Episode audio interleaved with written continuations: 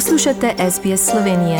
Prisluhnite še drugim zanimivim zgodbam na sbsp.com.au pošiljka Slovenije. Lepo pozdravljeni, spoštovani rojaki, cenjene rojakinje. Teden, ki je za nami, je bil v Sloveniji predvsem pestro politično obarvan, saj smo v sredo dobili novega predsednika slovenske vlade. Dr. Robert Golob bo, kot kaže, svojo ekipo ministrov in državnih sekretarjev uspel sestaviti v zgodovinsko najkrajšem času doslej. Kot napoveduje, bi lahko nova vlada zaprisegla že 1. junija. Ob tem pa smo v Sloveniji te dni obravnavali tudi prvi primer opičjih koz pri enem od bolnikov, zabeležili prve posledice neuri in toče, ki je ponekod povzročila ogromno škode. Pa poglejmo podrobnosti. V ponedeljek je predsednik države Borut Pahor na pogovore povabil vse vodje poslanskih skupin, ki v državnem zboru zastopajo posamezne stranke. Kot prva sta bila pri predsedniku vodji opozicijskih strank SDS in NSI Jelka Godec in Jožef Horvat, ki pričakovano podpore golobu nista izrazila. Zatem sta se pri Pahorju zvrstila še Jani Prednik, vodja poslanske skupine SD in vodja poslancev Levice Mateti Vatovec, zanima pa še predstavnika obeh manjšin, italijanske in mačarske. Slednji so vsi po vrsti izkazali zaupanje dr. Robertu Golobu in tako ga je Pahor takoj tudi predlagal za bodočega mandatarja. Državni zbor je Goloba v sredo tudi potrdil in tako je 54 glasovi za in 30 proti Golob postal novi predsednik slovenske vlade. Predtem, v torek, so koalicijski partnerji Robert Golob, Tanja Fajon in Luka Mesec podpisali tudi koalicijsko pogodbo. Voljivci so se pred mesecem dni jasno odločili, da želijo živeti v normalni državi, kjer ne bodo v času negotovosti, kaj bo prinesel naslednji dan, je svoj nagovor začel kandidat za mandatarja za sestavo vlade Robert Golob. Ljudje ne zahtevajo nič drugega kot to, da bo prihodnost lepša. Želijo si upanje na boljšo prihodnost, je navedel. To si želijo ljudje vseh strani, levi in desni, in Golob je ljudem javno podal obljubo, da bo to prinesel. Izpostavil je programske temelje, ki ponazarjajo program prihodnje vlade. Kot je dejal, želijo socialno pravičnost, solidarno državo, ki bo temeljila na znanju. Kot temelj socialne države je izpostavil dostopen javni zdravstveni sistem.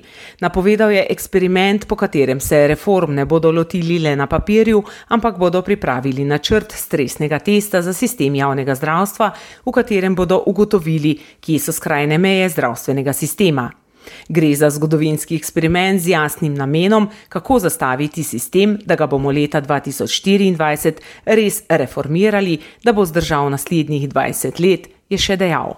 Najprej se bodo lotili urejanja javnega zdravstvenega sistema ter draginje, ki jo bodo omejili do jeseni, je napovedal. Ljudi pa pestijo tudi skrbi v zvezi s podražitvijo hrane. Ob tem so zadnje nevihte s točo velikosti jajca ponekod upostošila polja in tako bo brez zgodnjega pridelka ostalo precej kmetov.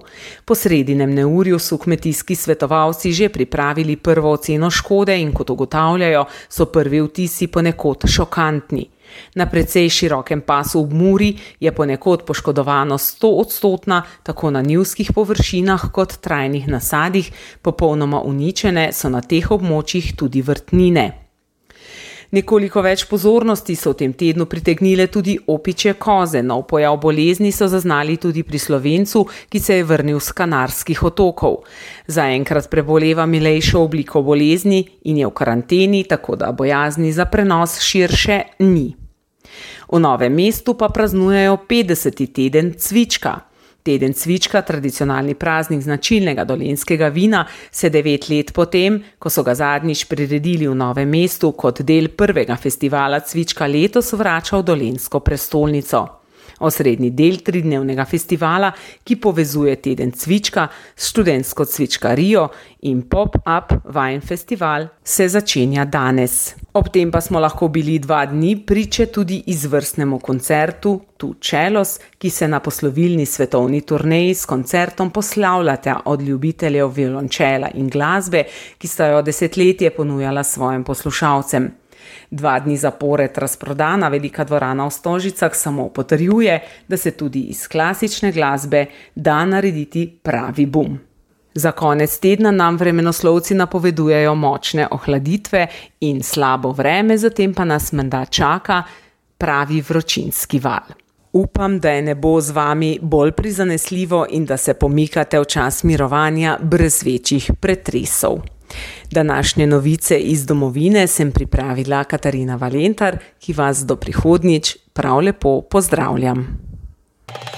Želite slišati sorodne zgodbe? Prisluhnite jim preko Apple ali Google podcasta, preko aplikacije Spotify ali kjerkoli drugje.